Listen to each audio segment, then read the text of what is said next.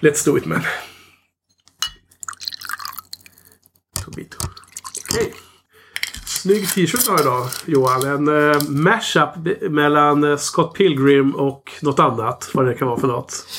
Adventure Time, ja. Aha. Nice i alla fall. ja men du, eh, det var ett lustigt problem som eh, Patrik eh, identifierade här faktiskt. eh, Häromsistens när vi pratade lite om podden. att ehm, Din kompis Patrik, som gillar Buffy väldigt mycket. Ja, han, eh, han ska ju lyssna på podden och eh, men, men eh, funderar på, ska han lyssna på varje poddavsnitt och sen vänta på en vecka fram och så är det bara två eller tre avsnitt som vi kör. Eh, Ja, jag, jag funderar också på det, men eh, på ena sidan så vill man ju liksom bara klämma, ösa på och allt möjligt. Men å andra sidan, lite charmen med det, som jag tyckt, att köra köra liksom en gammal serie och slippa den här stressen med att man måste hänga med och allt, eh, liksom, allt ska vara nu, nu och sådär. Det är nästan lite som en revolt att liksom gå tillbaka och se en gammal serie, ta det lugnt, ta ett avsnitt i taget, men det, det vill man ju inte. Verkligen eh, avnjuta varje avsnitt som en eh, Ja. finsmakare, en konnässör. Ja, Ja. fast det märker man ju snabbt att man vill ju bara... Ja, det är ju en, det är en serie som man bara vill trycka igenom liksom. ja, det är det, det, är det som är... det är prob- 40 minuter, men det känns som en kvart typ. Ja, det är det som är så bisarrt. För att jag har ju redan känt det nu själv. att eh, Hur begränsa sig att bara se så få avsnitt som vi skulle ha sett inför den här inspelningen. Eh, ja, det var verkligen en, eh, någonting att fundera på hur vi ska lägga upp det. För att jag har känt precis samma som Patrik var inne på. att man vill gärna titta vidare på fler avsnitt med en gång.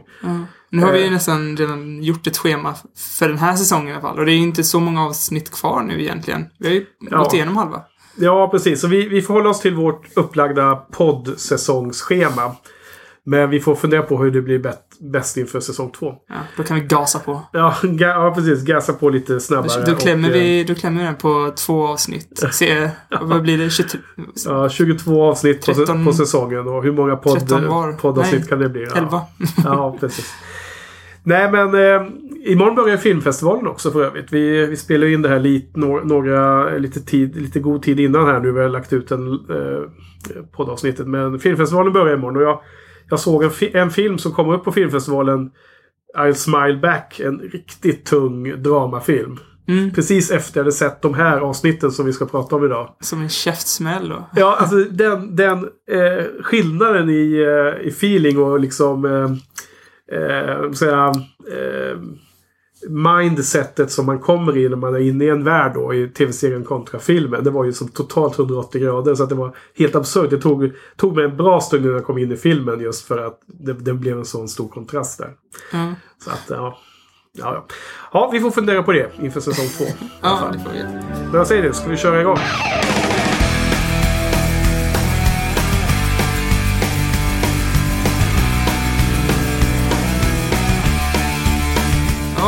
Hej och välkommen till Buffy-podden då. Andra avsnittet i ordningen. Och eh, det här eh, avsnittet ska vi prata om tre avsnitt. Vad fan säger man? Det här, Det här avsnitt, den här avsnitt. episoden, om vi ska gå på den här perfekta pod- filmens eh, sätt att eh, gå, så är det, den här episoden ska vi prata om avsnitt 3, 4, 5. 3, 4, 5 ja.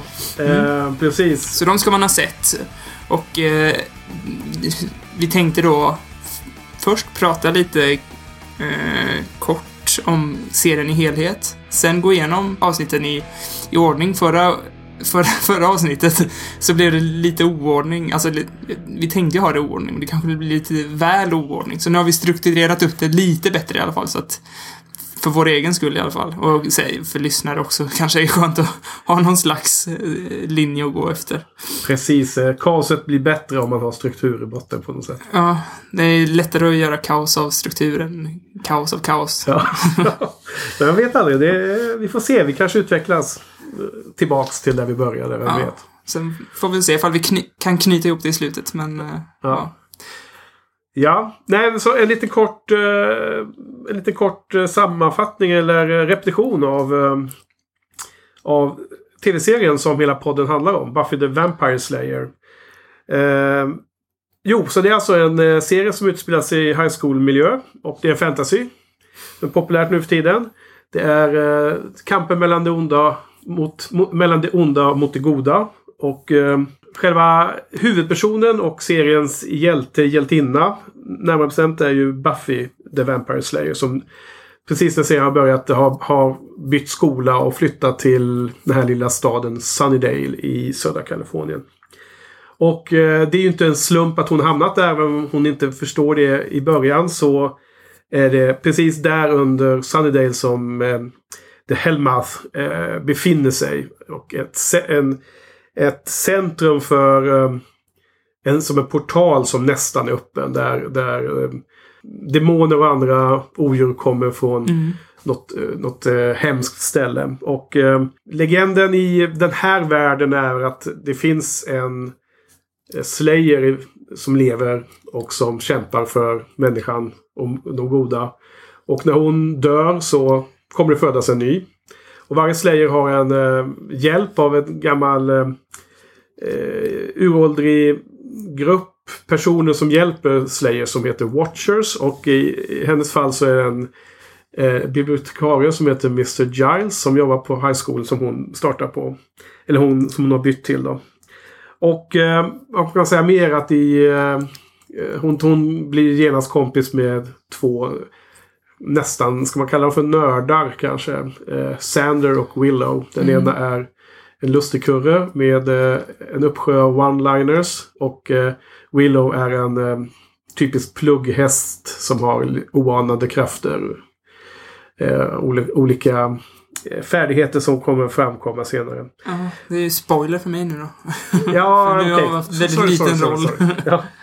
ja, lite i början kanske. Eh, och Ja, serien är ju på ytan kanske mer actionorienterad och det är en fight mot vampyrer och andra demoner. Men egentligen så är allting en karaktärsdrama, komedi. All, all humor och all drama är eh, egentligen beroende på karaktärernas utveckling och det man vill följa så att säga. Ja. Och, det, och det, det tror jag du har upptäckt redan på de här fyra, fem avsnitten vi har ja, sett. Det är ju faktiskt svintydligt. För det första som slår en är ju att det är det är ju väldigt fult. Du, vi, vi såg ju femte avsnittet nu precis innan tillsammans, fast vi redan har sett det innan då. Men, mm. men du kommenterar ju på att här, det är skuggor för ansiktet och, och jag som kollar på Netflix, där tycker jag ändå det är lite bättre, liksom, inte fullt lika grynigt som det är på dina, din DVD-utgåva här. Och kroppen är lite annorlunda. Jag tror att de har kroppat in lite på, på DVD-utgåvan här. Men det är ju, specialeffekterna är fruktansvärda. Och, men maskerna tycker jag är ganska charmiga och så, men, men det är, ja. och de här lite Monster of the Week-grejen är ju, det, det, känns ju som ett jäkligt, med dagens mått mätt, alltså med alla de här Game of Thrones och sådär, så känns det jättetråkigt med Monster of the Week. Men när man på pappret känns det tråkigt, men när man ser serien så känns det ju bara som ett, som Joss ett av hans verktyg för att kunna liksom pumpa ut jättebra dialoger mm. och sådär. Så mm. att, eh, ja. Det är verkligen på ytan fult och men på grymma dialoger och grymma karaktärer och casting som vi kanske pratar om senare också. Mm.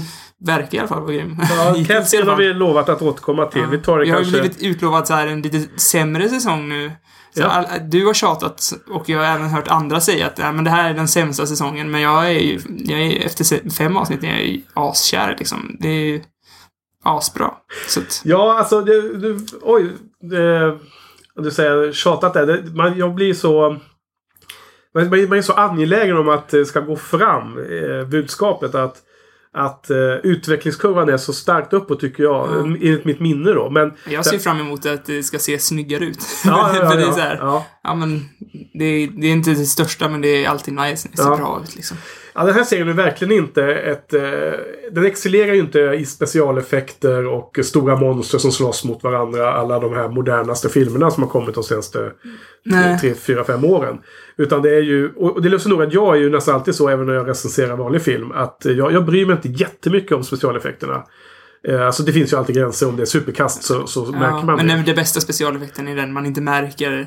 Så är det ju. Nej men alltså jag vill komma till att ja, det är liksom karaktärerna och dialogen ja. och, liksom vad som händer med de karaktärerna som är det som är viktigt. Liksom. En, en, eh, det räcker inte med, jag brukar säga, det räcker inte med stora robotar som slåss liksom. Mm. Um, för mig. och därför tycker jag det är så lustigt att en sån här serie har, har fastnat hos mig. Just för att okej här i början speciellt. Jag kommer faktiskt inte riktigt ihåg hur det... Det blir ju säkert mycket bättre för de får en större budget och hela serien blir ju jättestor till slut. Så att det är klart att de, har, de har säkert fixat det mycket bättre. Men det, det är inte ens någonting jag kommer ihåg något om. För det är liksom helt oväsentligt för mig. Det är liksom man ser det här var ett... Eh, här är en demon eller här är en häxa eller här är en vampyr. Det räcker liksom. Så länge det inte är så dåligt att det, att det stör uppenbarligen. Liksom, tar, tar ur en ur, Fast ur nu blir jag nästan så här, lite orolig för att nu är det liksom lite dåligt på ett lite charmigt sätt. Ja. Det kan ju, om de får lite högre budget sen senare känns det ju som att det kan bli fortsätta vara dåligt fast på ett ocharmigt sätt, sätt istället eftersom det är just Ja. liksom eh, vampyrer och övernaturliga saker så finns ju risken att det bara blir dåligt och inte charmigt och dåligt. Ja, det här är kanske det första tillfället vi kan be alla våra, alla våra lyssnare som har sett serien och som, eh, som har sett även mer av serien. Eh, att eh, mejla in och, och, eller skriva på hemsidan om eh, är specialeffekterna bra eller inte i de senare säsongerna. För jag kommer verkligen inte ihåg. Alltså. Jag, jag kan inte... eh, Jag kan bara gissa att det borde vara good enough för att det var ingenting som störde mig. I varje fall. Mm. Men det kanske någon kan skriva in om. Och, Ja. eh, Och Skriva vill man kommentar? jättegärna spoila så kan man ju mejla dig istället för att skriva på hemsidan. Ja, man behöver inte spoila handlingen. Man kan ju bara säga svara på din, eh, på din oro där. Ja. Mm. Buffypodden.se Tonight, okay. Not okay. It can't be tonight. My calculations are precise. They're bad calculations. Bad. Jo, The, The Witch då, då. I det avsnittet, precis som eh, titeln säger, så är ju själva The Bad Guy, eller monstret som, som hur man nu ska kalla det på svenska, som de eh, möter eller tar hand om. Det är ju då en eh, häxa då. då. Och det är väl eh, redan där sätter showen en eh, visar för oss att det inte bara är vampyrer som är så att säga motståndare. Det kan vara lite vad som helst. Då, då. Och eh, det, det är ju eh, ganska kul där för att något som jag direkt kommer att tänka på just när det handlar om häxor och de har potions, en grön eh, stor sån här eh, skål som de kokar en, eh, en, en brygd i och så. Då kommer jag direkt att tänka på Potions Class med med Severus Snape, Har- Harry Potter-världen, poppar upp direkt i huvudet på mig. Så, eh, vad, vad, vad är din relation till Harry Potter? För övrigt. Ja, Jag, jag har ju läst böckerna, följt dem, jag tror det var sen tredje boken, då jag fastnade i dem. Sådär, så att jag är ju Ja, du läste dem när de kom ut redan från Ja. tredje boken? Okej. från tredje boken ungefär, Aha. tror jag. Jag tror att det var min hardcore. lillebror som introducerade mig till, Ja. till böckerna. Ja. De läste den i hans eh, klass. Sådär. Så, men, så det, de är jag väl bekanta med. Och jag håller verkligen med. Där i Harry Potter tycker jag specialeffekterna är, är, är charmiga på ett snyggt sätt faktiskt. I filmerna ja. Ja, i filmerna ja. ja I boken. Ja, I mitt huvud är de också väldigt bra Jaha, faktiskt. Där är de helt otroligt, otroligt bra. Ja, filmerna är helt sensationella tycker jag. Ja. Alltså riktigt bra tycker jag. Så det, där, det håller jag helt med om. Ja, jag gillar dem också väldigt mycket. Men eh, likheterna här är ju väldigt stora faktiskt om man tänker på det. För det, det är också, handlar ju också om den här twe- tweener-grejen. Att gå från barn till vuxen. Mm. Och det är ju, där är det ju så fruktansvärt tydligt i Harry Potter-böckerna. Det kanske blir det här i, eh, nu höll jag på att säga Sabrina. eh, Buffy. Buffy, ja. Också, vad det är, det är ju sju säsonger då, men det, det ja. Uppväxtgrejen är ju en Ja, grej. den, den är ganska tydlig. Även om man måste kommentera att i Harry Potter så är de ju mellan 11 och 17 då. Ja, Och I filmerna får man lite känsla av att de är kanske äldre än 17. Men, men de ska vara 11 till 17 ju i, eh, i eh, böckerna. Och här är det ju att det tar, tar vid vid nästa fas egentligen. Mellan 16 och ja, 25 eller vad det är. Liksom ännu lite äldre. Om man Mm. täcker in Angel också. alltså, Rent kronologiskt. Jag tror att, och sen är det inte ens säkert att varje säsong är exakt ett år. Det kommer jag inte heller ihåg exakt. nej, Buffy hade ju varit perfekta uppför... Buffy borde ju kommit efter Harry Potter egentligen. För att... Eh, För att det hade passat bättre liksom i ens uppväxt och... Eh, Ja, passat in så ja. ja. Nej, alltså jag, jag, jag, jag- jag tycker att det, det finns det finns många olikheter och, och det finns säkert eh, lyssnare som inte alls tycker att de hör ihop att diskutera. Men jag tycker att de, de saker som är lika mellan Harry Potter och Buffy är ju lite det här med fantasyvärlden som egentligen bara är en kontext som man använder sig av för att få fram eh, karaktärsutveckling, humor eller de teman man vill behandla. Jag menar det, det är en ganska klassisk eh, grej man gör. Det är precis samma sak med för övrigt de här eh, Studio Ghibli-animerade japanska filmerna av, eh, vad heter han, ha Hayao Miyazaki, eller hur uttalar man det där? Eh, jag nu blir jag osäker. Miyazaki-filmerna. Ja, du vet alla de här. Spirited Away och, och så vidare. De, de som jag för övrigt såg ganska nyligen, de flesta av dem för första gången då, och tyckte var ju helt fantastiska. Det, det är lustigt att väldigt många av de filmerna också eh, handlar om eh, unga människor, barn eller unga i, i, i de här historierna liksom. Men eh, jag tycker att de vänder sig bra väl till en vuxen publik. Alltså det är generella frågeställningar som ändå kommer upp på något sätt. Så att det var en lite sån vinkling där som man Ja. kunde fundera på. En annan sak som är lite rolig, som vi säkert kommer komma in på, det är ju att det här i... Jag tror att det är det här av The Witch. Ja, Eller den heter bara Witch, va? The Witch. Heter den The Witch? Precis som eh, Welcome to the Hellmouth. Jag tror vi sa fel förra gången faktiskt. Jaha. okej. Jo då, det, Nej, men The för, Witch i för att man vet ju inte vem... Ah, ja, Ja, eh, vilken som är vilken. Det är som den där glassen, eh, Ben Jerrys glass, glassen, eh, Witch, Witch, Witch. ja. Vem är häxa? Men eh, där, här, i det här avsnittet har ju Sarah Michelle Gellar, för mig i alla fall, första gången fått flexa sina skådespelarmuskler lite. ja. Eh, och det, det tänkte jag, jag tänkte faktiskt på Harry Potter när hon helt plötsligt blev en helt annan person och liksom var glad och studsade runt så här. För det, det finns i Harry Potter när han, jag tror att, vad är, blir han förtrollad eller? Nej, han får ju... Han, det vill säga att han... Du tänker på den scenen när han ska få um, eh, ta reda på den där hemlisen från den läraren. Och han har den här, den här Lucky Potion som heter Felix. Någonting. Ja, Och sen så han tror att han har druckit den. Och så, eller han, han har kanske till och med druckit den. Så blir han i alla fall får världens flyt. Ja. Och är helt eh, stirrig där. så börjar härma den där spindeln och grejer. ja, ja precis. Man har aldrig sett honom riktigt flexa sina skådespelarmuskler. Han har bara Nej. hasat runt där i alla filmer. Det, det, är den, eh, det är den scenen. Det är väl alltså um, sjätte boken va? Faktiskt. Det är långt sent där. Mm. Eh, det är när de eh, vill få tag på ett eh, minne om eh, Vo- Voldemorts barndom. Det, det är den Ja. scenen du tänker på. Ja, också Där han är liksom full typ. Precis. Ja. Ja. Mm. En annan likhet är ju det här... Jag kanske ska berätta handlingen lite innan jag Ja, börjar men, så här, kan, du, prata kan, om... kan du dra en kort synopsis på vad eh, avsnittet eh, går ut på då? Ja, Buffy vill eh, gå med i cheerleading-laget och eh, gå, med, gå med på såna här tryouts. Skål. Ja. Eh, och det, det gör ju Giles måttligt imponerad eh, och eh, men så här, ja, han muttrar lite kring det där. Eh, men när, de väl är, när hon väl är på de där tryoutsen så är det någon som bara självantänder helt plötsligt. Och det, och det verkar ju vara Willows, den här introverta vännen, som är hon som har saboterat de här tryouts för att hon vill vara den som kommer med i laget liksom. Precis för att de... Eh, Eh, den eh, tjejen som de misstänker är eh, eh, reserv till eh, cheerleading-skåden. Va? Så att hon är ju på några platser utanför att få vara med. Och då så eh, misstänker de henne bara för att de som eh, De upp blir, blir skadade. helt enkelt. Ja, precis. De, de ska tas bort så att hon blir in, kommer upp där på listan. Va? Ja. Men, eh, och då tror man ju eh, så här, att det är massa press från hennes mam- mamma. Men så är det ju sån bra Joss Whedon twist, eller, så att det är så här Freak of Friday, att det, det är mamman som är, vill vara med i cheerleading-laget. Och där, där tar det vid någon slags... Eh, Ja, det är ju där eh, häxan kom in i hela. Det är ju mamman till den här dottern som är en häxa och som Ja. har bytt kropp där då. Som ska återuppliva sina eh, glansdagar från high school där hon själv var en sån här duktig cheerleader. Så den stackars dottern eh, är ju fast i mammans kropp. Mm, Och eh, helt hunsad av sin mamma sitter där hemma och väntar.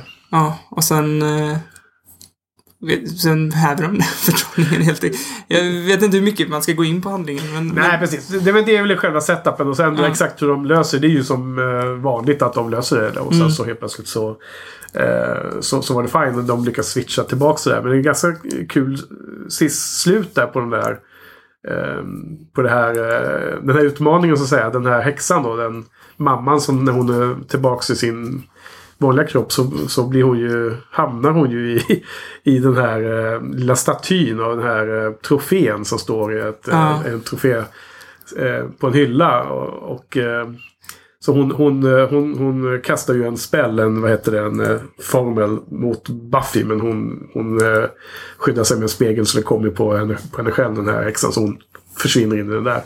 För evigt står där inne och var fånge i ett... Ja, väldigt bra specialeffekter där. Ja. Men det faktiskt, där är ju så här, konceptet så mycket, så läskigt så att det är så jävla äckligt egentligen att vara fångad i en staty. Ja, det är... Eh, speciellt om man är av en sån här demonisk form och inte dör heller. Det är en sak att vara fångad någonstans och sen... Ja, så dog man. Men sen att, att kanske inte heller dö, utan alltid står där. och ingen hör. Ja. ja, men det var lite kort om handlingen. Eh, eh, Jo men det var en del roliga grejer. Jag tycker bara första scenen är ju helt fantastisk. Jag, jag kommer ihåg att den var rolig även första gången jag såg den. Men nu var det på och eh, skratta så jag nästan grät den här eh, scenen. Där, alltså Mr Giles då, hennes Watcher, Buffys Watcher. Han är ju så otroligt brittisk och så otroligt eh, torr humor. Det, det börjar ju med en eh, scen där man ser honom där han är helt bestört över att Buffy har gått med i en kult. Och han tycker att eh, visst hon kan väl ha liksom lite egna hobbysar men ska hon verkligen vara med i det här hemska kulten? och så svänger de kameran och så ser man Buffy stå där i cheerleading-kläderna. Hans, hans reaktion där, det är ju det är den humorn liksom som man är ute efter. Den, den, den visar sig jättemycket här i säsong rätt mycket mer än vad jag kommer ihåg den som. Ja, när, de- när de gör de här trialsen, de, det var det jag tänkte komma till som var lite lik Harry Potter också. Det var ju det här med att de i Harry Potter så sätter de någon slags hä- förhäxning på på, eh, på quidditch-matchen. Ja. Hon gör ju samma sak här fast det, det sätter förhäxning på... Sina motståndare där ja. Ja, Ja, vad, vad fan heter det? när man studsar runt. Eh, Cheerleading heter det. Ja, när man studsar runt. Ja, precis. Ja. Ja, Och sen tänkte jag också på lite på uh, Kick-Ass. För i Kick-Ass, trean då, den sämsta Kick-Ass, där är, är det tvåan? tvåan. Eller? Eh, Det kanske är tvåan. Ja. Det kanske bara finns två. Ja. Eh, men där Hit Girl är- ska också göra en sån tryout till och då, då, då, då går de i den där självklara fällan att hon blir jättecool för hon kan slåss och börja så här fightas, göra sina moves, Ja, sina fighting moves där. Så jag trodde att det skulle gå åt det hållet också. ja, ja. ja. i- För Buffy. Skulle bli lite avslöjade också. Fast hon slängde, fast istället så slängde hon iväg Ja. någon, någon kompis där in i väggen. Ja, hon var lite för exalterad där, ja, Buffy. Uh, ja, Kick-Ass 2, alltså jag har ju sett den. Men den var så dålig så jag har nog försökt förtränga den. Så jag, jag har inga minnen av något i den filmen. Det är blankt. Det är lika bra kanske. Ja. ja. Eh, sen eh, något annat i den här eh, avsnittet som då... Alltså spänningsmässigt är det ju inte så mycket att hylla. Men det är ju igen då en hel del kul humor. En del... Eh, jag, jag tänkte speciellt på en... Eh, en eh, grej som var typisk Joss Whedon eh, eh, sak som man hade med den här. Med de här... Eh, eh, oftast att det återkommer. Eh, det, det är något koncept som sägs och sen så återkommer något liknande och sen så är det en... en eh, man har förvrängt det, man har sett på det från andra hållet. Jag vet inte om det finns något namn för den här eh, grejen. Det, det är väl en Joss, Joss Whedon-grej helt enkelt. Det är liksom i början av avsnittet så, så är det ju Sander, eh, en i gänget då, då. Buffy och hennes två bästa kompisar då som det är etablerat tidigare, tidigt, tidigt här i säsongen. Eh, och så är det Willow som den här andra kompisen. Hon är ju... Eh, hon har ju varit lite småförtjust i Sander kan man säga. Och han, han liksom säger till henne att hon är one of the boys. Han jämför med henne som att hon är så bra som tjejkompis. För hon är ju bara som one of the boys. Ja. En, en av killarna liksom. Och man ser att hon blir liksom lite störd av det. Lite typ ledsen så här. Senare i avsnittet, och då vet man ju också att Sander är ju förtjust i Buffy. Och det spelas ju upp i många av de här, flera av de här avsnitten som vi nu har sett här till idag. Och då när fulla Buffy eh, eh, springer omkring där. Hon har ju fått en, eh, en, en cast på sig så hon är ju helt eh, crazy där ett tag. Men då så pratar hon ju med, med Sander och säger att, att han är ju så bra för han är ju bara one of the girls. Precis som en i tjejgänget. Så det, det är den eh, switchen där eller den... Eh, ehm, de två scenerna ihop eh, tycker jag ganska, blev ganska kul. Det, det är en, en sån sak som man fångar upp om man är intunad lite på Joss. Brukar köra sina skämt liksom. 90% of the vampire slaying game is, is waiting. You couldn't have told me that 90% ago. Och avsnitt fyra då, The Teacher's Pet. Eh, Vad handlar den om? Det börjar ju med Sander har en, en dagdröm där han eh, tänker sig själv som värsta hjälten, värsta manliga guden och han är rockstjärna och Buffy är jättekär i honom. Då, då. Så man sätter upp lite av temat där kan man säga. Eh, vem, vem är liksom största babe magnet och så. här. Eh, sen, sen klipper de, då är de ju på biologiklassen, eh, biologi, biologilektionen då med en lärare som heter Dr. Gregory. Och det blir en ganska kul scen redan i början där när han eh, eh, snackar med Buffy lite efter klass, eller, lektionen är slut. Och eh, han är jättebra faktiskt. Han är ganska hård som en lärare kanske ska vara. Men han är väldigt, eh, han är väldigt eh, snäll mot Buffy. Ska man säga. Ja, ja där, där visar de ju också prov på det här liksom förväntningsgrejen. Att hade det varit en vanlig serie så hade det ju varit bara en hård lärare och den bygger ju upp det som att han är en elak lärare. Men sen så bara vänder de det helt där också och bara, men det här är en, en bra lärare för Buffy. Ja, och hon, hon blir ju väldigt förvånad kan Ja. man säga. Och man Precis ser som att den hon, som tittar. Är också lite... Vi blir också förvånade och det blir liksom en bra resonans där i den känslan. Man kan, man kan förstå den känslan som man ser i hennes ansikte mer för att man själv eh, blev lite lurad. Att han, han var liksom, ja, jättebra eh, spanat där Johan. För att där är det också så att han, sen går hon ju ut där och så blir, är han död inom 10 sekunder ja, bokstavligen. det är också lite tråkigt. Får en bra känsla av honom, sen s- hugger de huvudet av honom. Så. Ja, precis. eh, Det är väl så. Eh, En, en hjältinna som har allt för många bundsförvanter är inte lika sårbar. Så att, han dog bokstavligen 10 sekunder senare. Så det, Mm. det är väl någonting som jag får komma ihåg inför framtiden. Man ska inte fästa sig vid bra karaktär.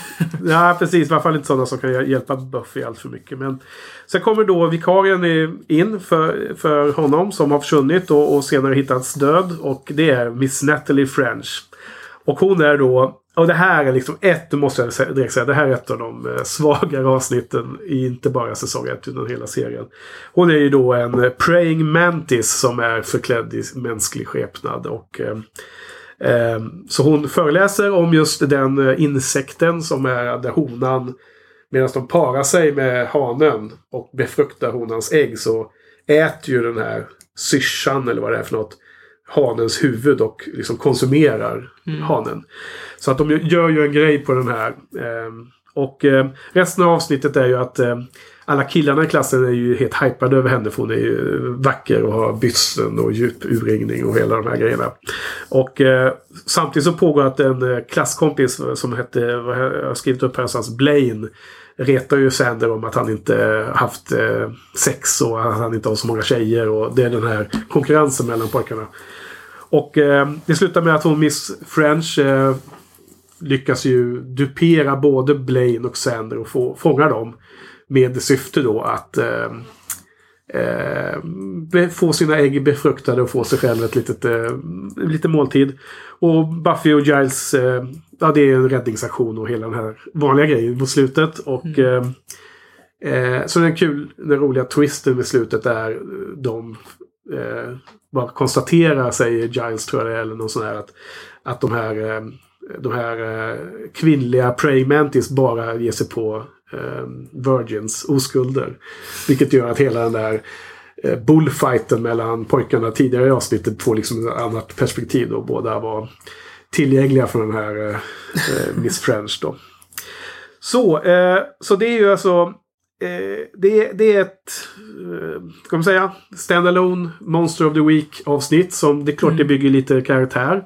Vi, vi lär oss lite mer om hur Sander är. Vilket också sen kommer användas mer senare i säsongen. Men generellt sett så är det ju inte ett jätteviktigt avsnitt. Det är ju inte någonting som tar hela storyn framåt så här mycket.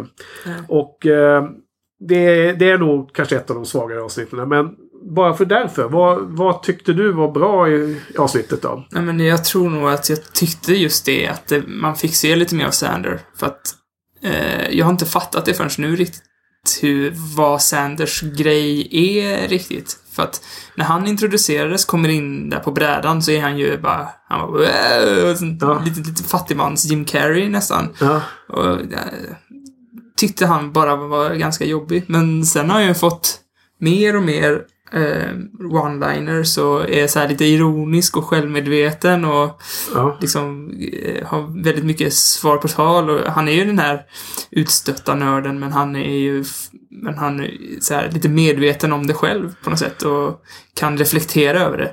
Och jag tror, jag tänkte på det här liksom på vägen hit nu att att eh, eh, The OC såg du Nej. The Ark?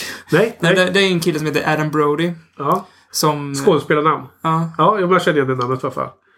han, eh, ja, han är nästan exakt den här karaktären. Jaha. Så, och är så här lite utstött och kommer alltid med så här under the breath kommentarer till taskiga killar och... och Men det är nog tio år senare ungefär. Det är slutet, eh, slutet eh, det är runt Ja, men 2010 kom eller? Den, den, den måste ju varit ganska nära in på där va? Jaha. Ja, ja, ja. Det var bara för att jag, jag såg den långt efter den var avslutad. The Okej. OC. Men eh, om den nu heter The OC. Jo, men det heter det då. Ja. Men eh, sen är det, för förra, förra avsnittet så nämnde du Napoleon Dy- Dynamite. Eller vi, vi pratade om det någon gång. Ja. Är det lite sån typ av eh, nörd han är? För dig? Nej, nej, nej, absolut inte. Inte? Okej, det var fel. eh, Napoleon Dynamite. Eh, fel eh, koppling av mig. Nej, det har jag ju sett men det var Nej, men han är jättelänge ju mer sedan. så här ins, lite kufig. Alltså, jag tycker ju Adam Brody, han är ju så här kufig på ett charmigt vis. Ja. Eller, jag vet inte, Napoleon Dynamite har ju sin charm, men det, man skrattar ju mer åt Napoleon Dynamite. Ja. Men eh, Sander skrattar man ju lite med. Man känner, Ja, i alla fall jag, jag känner att jag, typ, det är han jag identifierar mig med nu liksom. Ja, okej. Han, Första han, avsnittet. han är den bästa karaktären hittills. Ja, alltså första avsnittet av eh, Buffy. Alltså jag, och jag var, trodde, var helt övertygad om att det är, det är Willow jag kommer fästa mig vid. För att hon är ju, hon är så instant charmig liksom. Man Ja. älskar ju henne från första scenen. Hon är Kaylee. Hon och Kaylee? Från Firefly. Eller? Nej, jag vet inte. Ja, men Firefly. samma, samma plats på bordet. Samma Ja. plats på spelplan. Kanske. Mm, kanske. Mm. Men Willow, Willow var ju för mig instant charm liksom. Ja. Medan Willows karaktär har man bara fått se mindre och mindre av. Och Sander har man fått se mer och mer av. Okej, och eh, nu intressant. är Sander favoriten faktiskt. ja, ja. Coolt. Han påminner mycket. Jag gillar ju Adam Brody som fan i, OC. Ja, ja. Eh, nu är det ju svårt för mig att egentligen eh, fråga mig själv ärligt vem gillar jag mest efter fem avsnitt eftersom jag inte har sett hela. Men, så det blir ju svårt att relatera till det. Men det är intressant att höra. Eh, Okej, något annat då? Kommentarer om eh, The Teacher's Pet? Um, jag gillar ju, för det här har med... Jo, det har med det här avsnittet att göra. Eh, för eh, det är ju en kille här, en vampyr faktiskt, som har någon slags så här eh, klor. Ja, Som är lite såhär Nightmare on Elm Street. Nightmare on Elm Street klor. ja, Och eh, då tänkte jag på också så att Joss Whedon har ju väldigt mycket referenser. Där har han också varit lite före sin tid kanske så här och inkorporerade så här lite... För det känns som att hela Buffy från början är någon slags eh, parodi på, på slasher-genren eller vampyrgenren kanske, eller genrefilm överhuvudtaget. Och, men ist- istället för att bara vara en ren parodi så är det nästan ett, som ett bra inlägg i vampyrfilmsgenren. ja precis. Lite på liknande sätt som, som Shaun of the Dead är en parodi på, på zombiefilm, så är det Ja. en bra zombiefilm också. Eller som eh, Scream är parodi på, på skräckfilm, så är det en bra skräckfilm Mm. också. Liknande sätt tycker jag Buffy är. Precis. Eh, det var det jag famlade efter förut. En bra beskrivning av det här. Vad han gör. Det här Joss-aktiga som jag försökte beskriva angående de där två scenerna i förra avsnittet. Mm. Det är att han ställer saker på sitt huvud. Han, han vänder på eh, förväntningar och på eh, saker hur det, hur det brukar vara. Ja, man förväntar sig bara en larvig parodi, men så är det också Något annat. så mycket ja. mer liksom, Mm. bakom det.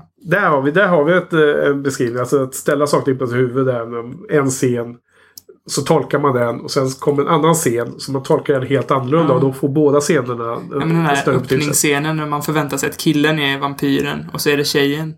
Det är Ja. fortfarande så här bra vampyrspänning, men bara Ja. att liksom man vänder lite på perspektiven där. Ja, just det. Ja, eh, jag ska skjuta in några grejer som jag, vad jag då tyckte var bra i det här eh, i övrigt kanske svaga avsnittet. Eh, egentligen är det så himla svagt egentligen. Faktum är att eh, jag nästan tycker att det var kanske något starkare än vad jag kommer ihåg det som. Ja, men jag, jag tyckte inte det var dåligt överhuvudtaget. Ja, men nej, det kanske är helt fel. Det kanske var min... Eh, ja, det var ju i och för sig mitt gamla betyg som jag gick på då. då så att någon gång tyckte jag ju så. Men eh, vad jag tyckte, det var en hel del ganska kul eh, quotes eller citat från, eh, från det här avsnittet. Först och främst så, jag tror nog att, eh, i alla fall nu i omtiteln så favoritkaraktären är ju Giles, Mr Giles i det här läget skulle jag vilja säga. Han är ju så himla brittisk och så himla torr humor och eh, så, så himla allvarlig. Han spelar ju också ehm, eh, vad heter det? Rollen spelas ju helt allvarligt också. Det, ibland så är det ju kul med glimten i ögat när en eh, skådespelare spelar en, en torr roll men med glimten i ögat så får man en, en liksom krydda på det. Mm. Men ibland så passar det in, speciellt när hela omgivningen är med väldigt mycket kvick dialog. Att, att någon är väldigt, spelar sin Straight karaktär väldigt straight. Ja. Ja. Och, men han, det är en underbar scen när de eh, ses utanför skolan en morgon eh, efter något, något som har hänt dagen innan. Och han liksom, Mr Giles bara tittar upp på himlen och ser, eh, det var så sol och han säger God, every day the same. Liksom om vädret är, att det är så jobbigt då. Ehm, vilket är en himla kul kommentar med tanke på hur vi bor här hemma i, i Sverige och i. England och så här med regn och november och det är mörkt ute och det är liksom plus fyra grader och, och snö, vad heter det, spöregn. Och det är faktiskt eh, eh, Joss eh, som säkerligen ligger bakom den kommentaren. Han har ju faktiskt bott i England i tre år och gått på någon college där då. I någon form av eh, jag, kollade upp det, det var Winchester College som han har gått på i tre år då. Så att han har ju en del, eh, det är mycket brittiskt i den här serien via Mr Giles och eh, fler. Och eh, jag tror att han har en grundad eh, kännedom om, om den världen som är mer än att bara läsa till den. Sen så tycker jag det är väldigt kul att se han eh, rektorn igen som var så himla rolig i första avsnittet. När Ja. han tog emot Buffy och skulle riva hennes eh, records och sen tejpa ihop dem igen. Jag tyckte han påminner lite om rektorn i community. ja, alltså The, the Dean. nej, nej, nej. Nej, Inte, inte Dedin. Men han... Eh, ah, vad fan heter han då? Han som eh, har ett eh, talkshow-program också. Eh, ja, ja, den uh, läraren där ja. Ja. jo, jag vet inte vad du menar men jag... Han är engelsman, ja. Ja, det finns är- ingen, en engelsman. Han är stand-up uh, comedy-snubbe va? Ja, det är han är han med nog på, också. på um, The Comedy Cent- Central. Jag har sett att han har sån här stand-up. Vad heter han nu? Det borde vi kolla upp egentligen. Men jag har, jag har inte det i huvudet. I, det namnet i huvudet. Men han, eh, vad heter det, rektorn där, Fluty. kan säkert Jojje rätta oss om han lyssnar på det här. ja, precis. Ja, vi måste säga det fel först så kommer han rätta det. Ja, Eh, men åter till eh, rektorn där. Han, han, eh, det är en väldigt rolig scen när han, eh, de har hittat den här eh, Dr. Gregory, den, den, den snälla läraren från början av, av avsnittet har Mm. hittats död i ett skåp. Och Eh, då springer han omkring och får tag på, alltså den här rektorn eh, går omkring och får tag på Buffy där. Och alla som har sett eh, eh, den döda kroppen måste få grief coun- council. Och han, Mm. han tvingar henne in till liksom att, att få lite psykologhjälp. Då. Han erbjuder till och med att ge henne en kram, fast inte en riktig kram. För att man får inte, en metaforisk kram. Ja, precis. Bara, bara en låtsaskram. För de har ju no touch policy. No wrong tou- touches som man säger. Vilket är, är, är um, Ja, men det är före, sin, är com- sin tid. Ja, Community-nivå på den humorn tycker jag. Ja. Och, eh, och sen har vi ju det mest klassiska citatet av alla där. Cordelia, det här Queen Bitch eh, tjejen. Vad, vad tycker du om Cordelia förresten? Jag, vet, jag vet inte. Hon Tråkig. var en störig tjej typ. Större? Ja. Ja. Snygg. Nice. Nej, jag vet inte. Ganska neutralt utseende. Alltså det är just så med liksom alla människor som är ocharmiga, de blir ju naturligt inte så himla söta. Nej, nej, det är helt sant. Så, Vilka, vilka, finns det några snygga i, i serien då?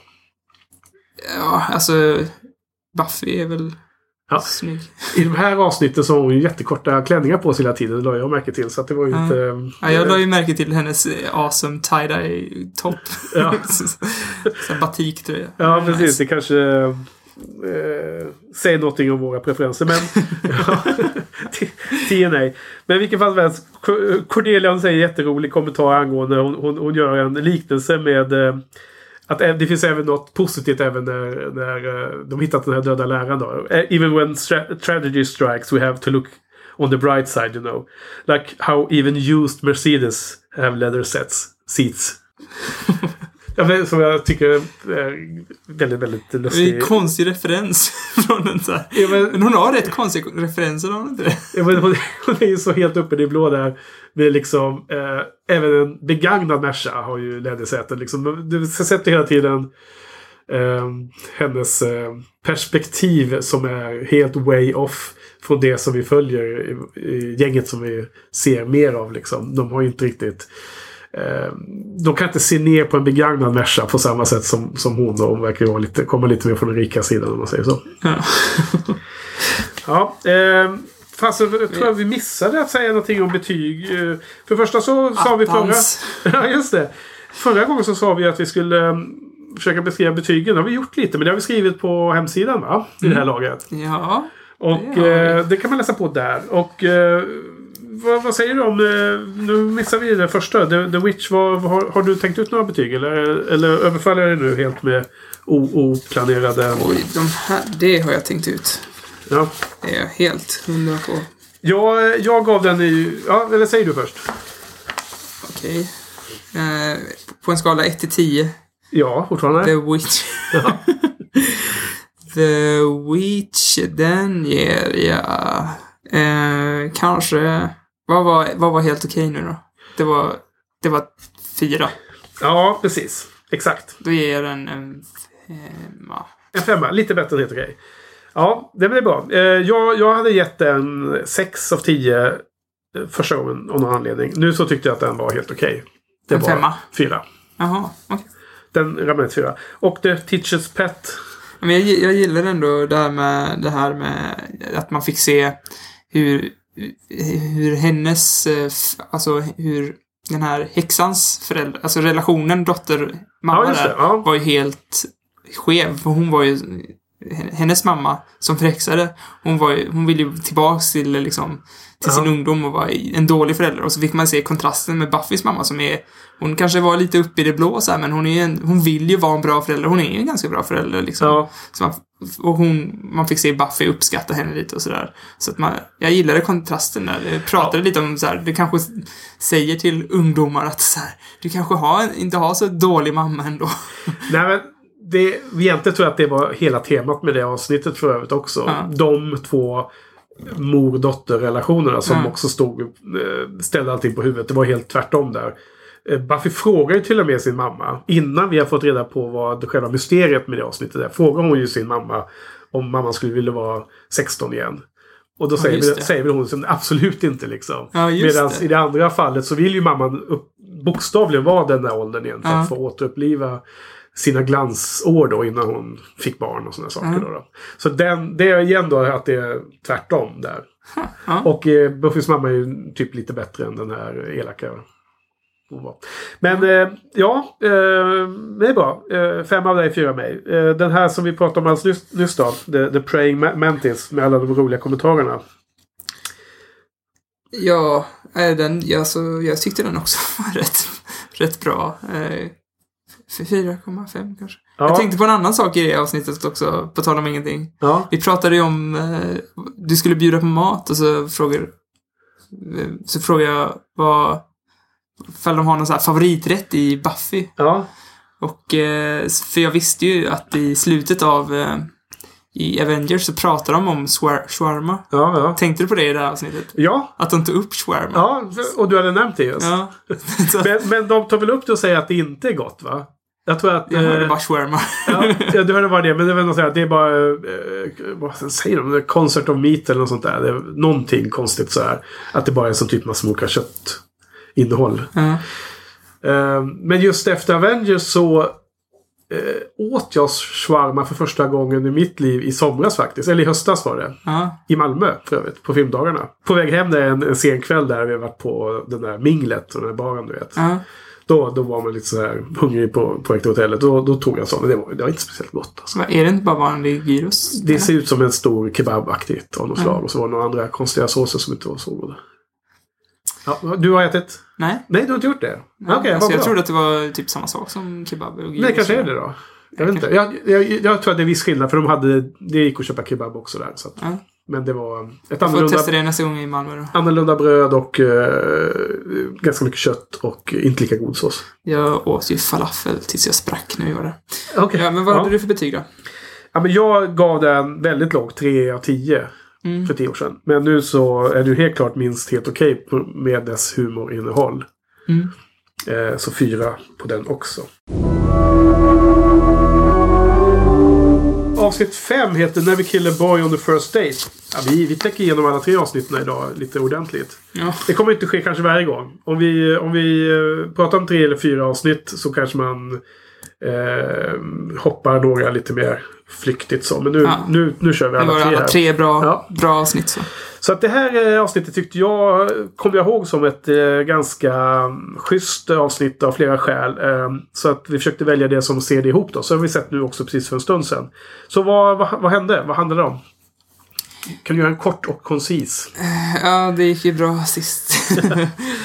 ja, alltså det här avsnittet börjar med att Buffy blir verkligen tokkär i den här killen, bokmalen Owen. Ja, snygg igen, Owen. Ja, och jag, lite, alltså tyckte, det var lite konstigt för att det var ju verkligen, jag funderade på om hon var så här, hade någon besvärjelse på sig igen. Ja. Men jag antar att det bara är att vara tonåring liksom. Hormonerna. Ja, precis.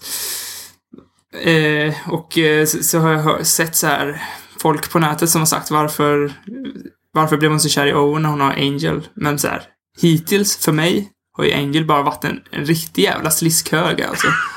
Så att, eh, det tyckte jag inte var det minsta konstigt. Håller på och så här dela ut jackor och skit. Ja. Men, men. Vad, vad menar du sliskhög? Okej, vad, eh, vad, vad är han för någon figur då? Angel, som du tycker?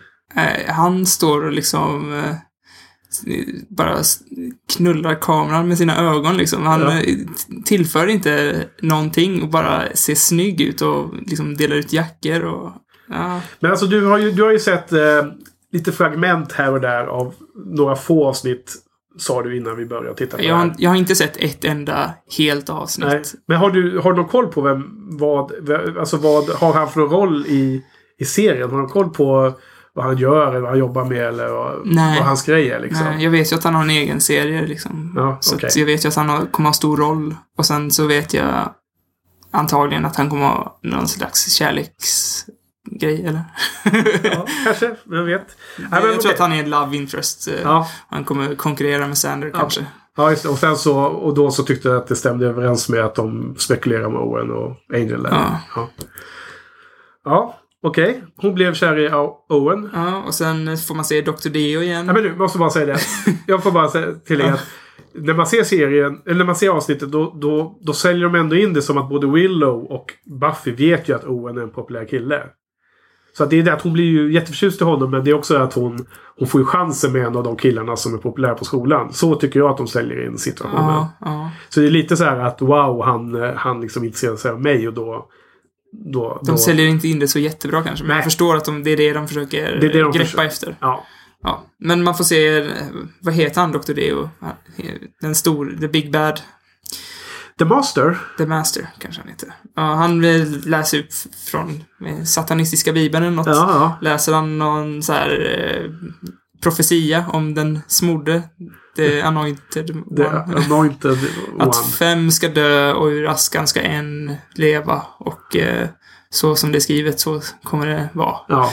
Och eh, då får man då se att det, en buss kraschar och massa dör. Man får inte se riktigt hur många som dör kanske. Men, Nej. eh, sen eh, får man se den här dubbelmördaren överleva och bli, eller bli, han blir, överle- han blir biten, han, så han överlever ju inte men han återupplivas sen senare på bårhuset. Ja, precis. Alltså det, är- det är fem i bussen och, och man får ju reda på att alla dör för att det står ju i tidningen. Ja. Men, men den här... eh, Mr Brutala snubben där lite... Eh, Han var bara misstänkt för dubbelmord kanske. ja, men han, han ser ut som att han har militärkläder på sig och ser ut som att han är helt galen redan innan någonting händer med honom. Ja. Men Han, han blir ju omvandlad till vampyr ser, ser man Ja. senare. Så att han har ju blivit dödad men också eh, blivit eh, turned eller vad Ja. det kan kallas. Ja. Eh, ja, det handlar ju mycket om att Buffy försöker bolla den här tonårsromantiken med vampyrslakt och allting slutar ju till slut med att de hamnar hon hamnar på bårhus där The Anointed One är och med sin dejt då, Bowen. ja. Så Jag kan flika in lite här för att eh, intressant fråga. I, det är precis som du säger. Det, det här avsnittet är lite kul tycker jag. Det har en viss eh, bäring på hela, se, hela, hela storyn. Det är lite mer inriktat mot story-arken. Nämligen den här bollningen av eh, eh, hennes eh, roll som Slayer och hennes eh, önskan att bara vara en vanlig tonåring. Och eh, det finns en scen där i slutet. Eh, för, för de... de, eh, de, de ja, vi, det är ju ingen spoiler. Vi får väl berätta helt enkelt att de... de eh, Mr Giles har ju koll på att den här eh, Anointed One kommer vara en farlig motståndare och hjälpa The, the Master. Eh, och de eh, tar ju hand om den här brutala snubben som, som väcks upp igen som en eh, väldigt stark, fysiskt stark vampyr. skicka in, honom, skicka in honom i ugnen. Ja, jag bränner upp honom där. Han skriker och eh, förintas. Då tror ju de att de har lyckats med att hindra eh, det ondas eh, plan där då. Eller den här profetian helt enkelt. Men sen får man ju se den allra, allra sista, sista klippet precis innan eftertexterna. Att det är ju egentligen ett litet barn som också var med på bussen och en av de fem. Som, Ja, det fattade de- inte jag. Det förklarade du att han var med på bussen. Jo, han, han är ju en av de fem och det är den lilla personen som är den här nyckeln till The Master att kunna bli fri. Och precis som profetian säger så kommer inte The Slayer att se The Anointed One och kommer bli eh, ledd av honom in into hell, som de säger. Så att den, den, den lämnar ju med en liten spänning, en slags eh, nu lämnar du cliffhanger. mig med en liten spoiler också kanske. Vadå? Nej men det är ju profetian. Ja. Men profetian måste man alltid lyssna på. Det är som Harry Potter. Eh, ja, men jag fattar inte ens att han skulle vara en eh, reoccurring eh, karaktär. Utan, Ja, så att, Det är ju inte för inte som det är i, i Buffy, bland Buffy-fans att han kallas för The Annoying One. Så att ja, han kommer spoiler. fortsätta. Ja. ja, men sådana grejer måste man kunna säga. Eller nej, kanske inte. Ja, sorry. jo då, det är lugnt. Jag är inte så spoilkänslig. Ja. Jag gillar bara att jävlas. Ja, eh, men den, den, i slutet där precis innan den här eh, eh, avsnittets slut så är det ju en scen där som jag tänkte höra med dig vad, hur du tolkar den. Det är en scen mellan Mr Giles och Buffy som pratar om eh, hon inser att hon kan inte dejta samtidigt som hon är ute och eh, möter massor med bad guys om natten. Eh, och han eh, håller ett litet tal där och berättar om hur han själv eh, som liten fick reda på att han, hans framtid var utstakad som Watcher och han kunde inte bli det han önskade bli i livet och sådär. Eh, hur, hur tycker du om den scenen? Jag vet, jag vet. Det kändes inte som de riktigt kom fram till något. För jag, jag kommer ihåg när jag gick typ i högstadiet. Då hade jag värsta diskussioner med en av mina lärare. För eh, så här, socialt arv och sånt skit. Och eh, han påstår ju så här, att jag kommer jobba med eh, Statistiken säger att jag kommer jobba med eh, liksom, något hantverk. Liksom, för båda mina föräldrar var hantverkare. Och då, då, då blir jag ju liksom helt tvärtom istället. Och Ja. nej men jag ska gå fet utbildning och... Men vad, vad, var, vad var lärarens eh, poäng? Jag, jag hängde inte med riktigt. Menar han att han ville peppa dig att Nej. bryta den, den eh, Nej, trenden? nej, Eller ville han att du inte. skulle vara, samma som föräldrarna? Jag kommer inte ihåg exakt ordval, men eh, han tryckte ju ner mig liksom. Så här, du, Jaha. så här, du, det kommer inte bli något. Du kommer inte så här, kunna utbilda dig till någonting om du tror... Du kommer liksom bli snickare för att det är ditt För- sociala arv. men- inte de orden, men... Det men helt absurt. ja, men alltså, det var ju en lärare som jag hatade av hela mitt hjärta liksom. Men... Vi- vi- Vilken stad är du upp, upp, uppväxt i? Eh, Jag har flyttat runt en del, men då var det på Öland. Så det är ju helt naturligt, för där är ju bara inavelmänniskor som bor. Men, ja, okej. Då får vi be om ursäkt till alla Ölandslyssnare Nej, det ska vi verkligen inte göra. Nej, okej, då ska vi inte be om ursäkt. em. Ja. Eh, men det låter ju helt absurt. Jag men- får säga sådana saker om ölänningar för en av mina bästa kompisar Ja. är ölänning. Jaha, nej men alltså... Jag- Oops, skoj. Ja, nej men alltså det, jag, det blir jag nästan lite förvånad över att Ja. höra. För att det känns ju som att det borde ju vara liksom en av de första lektionerna i lärarskolan borde ju vara att eh, försöka motverka just Ja, sådana men saker. jag kommer att tänka på det för att Mr Giles sa liksom att hans framtid var redan utstakad. Han hade ingen makt över den själv liksom. Ja. Och då tänkte jag så här, men vad Då tyckte jag så att det skulle vara en bra lesson att han visst kunde ta makten över Och sin han kan bli framtid. snickare tänkte du? Ja, så här, han, kan, han kan väl fan bli snickare om han Ja, vill. ja, Jag, jag, jag kan bli Watcher istället. ja. Så, men, men, det, men så blev han Watcher och det liksom, de kom inte fram till något, någon liksom conclusion där riktigt. Så att, Nej. så att jag blev lite så här, ja men det var väl fint tal men ni kom, ni kom inte fram till någon slutsats riktigt. Ja. Det var bara att acceptera sitt öde i Ja. princip. Eh, ja, precis. Men det, det är väl det med ödet där som han eh, försöker förklara för henne. Hon är ju Slayer och kan inte... Hon är ju det så länge hon... hon, hon alltså, hon, hon är ju det. Mm. Och kan inte komma ifrån det. Och eh, det jag tänkte på som... Eh, nu, nu blir jag lite så här eh, tagen av att... Eh, är det här också spoil som du, som du lyfte upp alldeles nyss? Men det Ja, men blir, det är det ingen blir, blir så svårt att eh, ens resonera någonting om avsnittet utan att ge antydningar om framtiden. Men vad jag tyckte, och det här är inte så mycket ha- handlingsspoiler utan mer spoiler om serien som sådan. Och det som jag redan har tjatat om som du sagt att inför säsong två och framåt så blir det liksom mycket mer av det vi pratade om förra gången. Det här med humorn kontra det allvarliga. Jag, jag, jag tyckte att av de här fem avsnitten så var det här det första scenen där jag kände att tonen i, i, i eh, den scenen var inte något som var humoristiskt alls. Nej. Utan tonen var... ehm, ä- även om inte scenen är superbra eller att den går, går till världshistorien som en av de viktigaste scenerna i Buffy så var det liksom första gången som jag nu tänkte på att här så är det helt plötsligt helt allvar. Ja. Från, från att det bara en minut tidigare så var det någon rolig kommentar eller Sanders säger någon, någon, någon lustig ordvits eller eh, latchar med orden liksom. Eller Giles gnuggar sig för ögonen för att han nu blir irriterad på, ja, på Buffy. Ja, att hon och hennes eh, tonårshormoner Ja. eh, tror att hon ska ha tid med annat liksom. Än att eh, träna, träna och, och bli duktigare slayer. Så att det var det, det jag, jag tyckte var lite eh, intressant att höra liksom, vad du, hur du upplevde runt det. För att sen så kommer det ju vara och det var lite det jag försökte eh, prata om förra gången. Försökte söka liksom beskriva att att det inte... När, mörkret, när jag pratar om mörkret då är det mer drama, inte eh, svart humor. Inte liksom gnutta humor i det hela. Utan det är den switchen. Det kanske är en, ett sätt att göra, ställa saker på sitt huvud också som Joss jobbar med. Men det var, det var i alla fall vad, jag, jag tyckte att den här... Eh, ja, det, de hade lite bonding moment där också. För att de har ju inte... De har ju pratat väldigt mycket men de har ju mest så här gnabbats. Ja. Nu hade de ju liksom bonding. De bandade lite. Ja, det är helt sant faktiskt. Jag har inte tänkt på det. De, är, de borde ju faktiskt bonda mycket mer för att de, de kommer liksom utsätta sig för massor med farliga situationer. Då borde man ju måste kunna lita på varandra mer. Mm, de borde ha Och det har man inte riktigt sett. teambuilding. Precis, de borde åka på en teambuildingskurs. Ja. på någon sån där Så eh, falla i varandras armar. kursgårdar med övernattning och sådär. Men, men det är faktiskt helt sant. Men det, det blir mer, mer bonding också. Och, eh, men det, det, det var nog en sån liten scen. För att börja testa vattnen lite åt det hållet. Det, det är ju mycket snack om eh, att de måste... Eh, de kan inte välja själv. De måste liksom ha det ansvaret och det är sac- sacrifices. Som, som Buffy säger det. Sacrifice. Ha. Det, det är en bra eh, kommentar tycker jag. Mm. Citat. Jag letade efter den på internet. Fick hitta ingen, eh, ingen sound på den.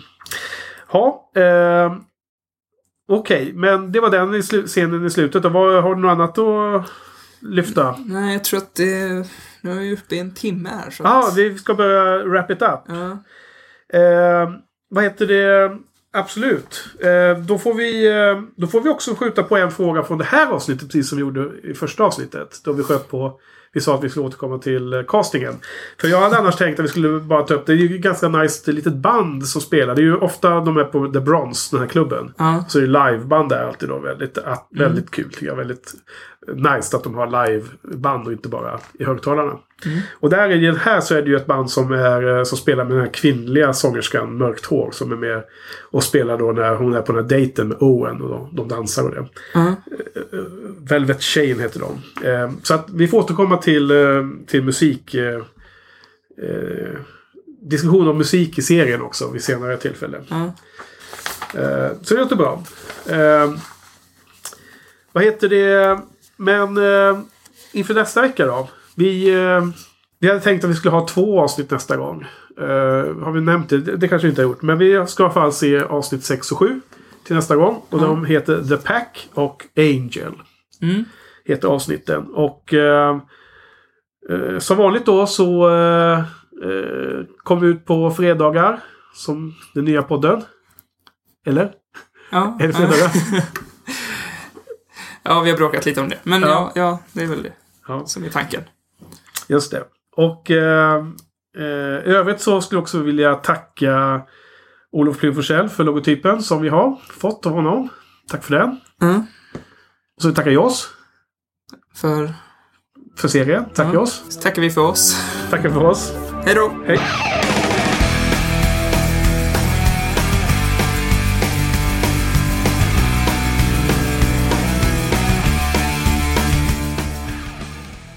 Buffypodden.se.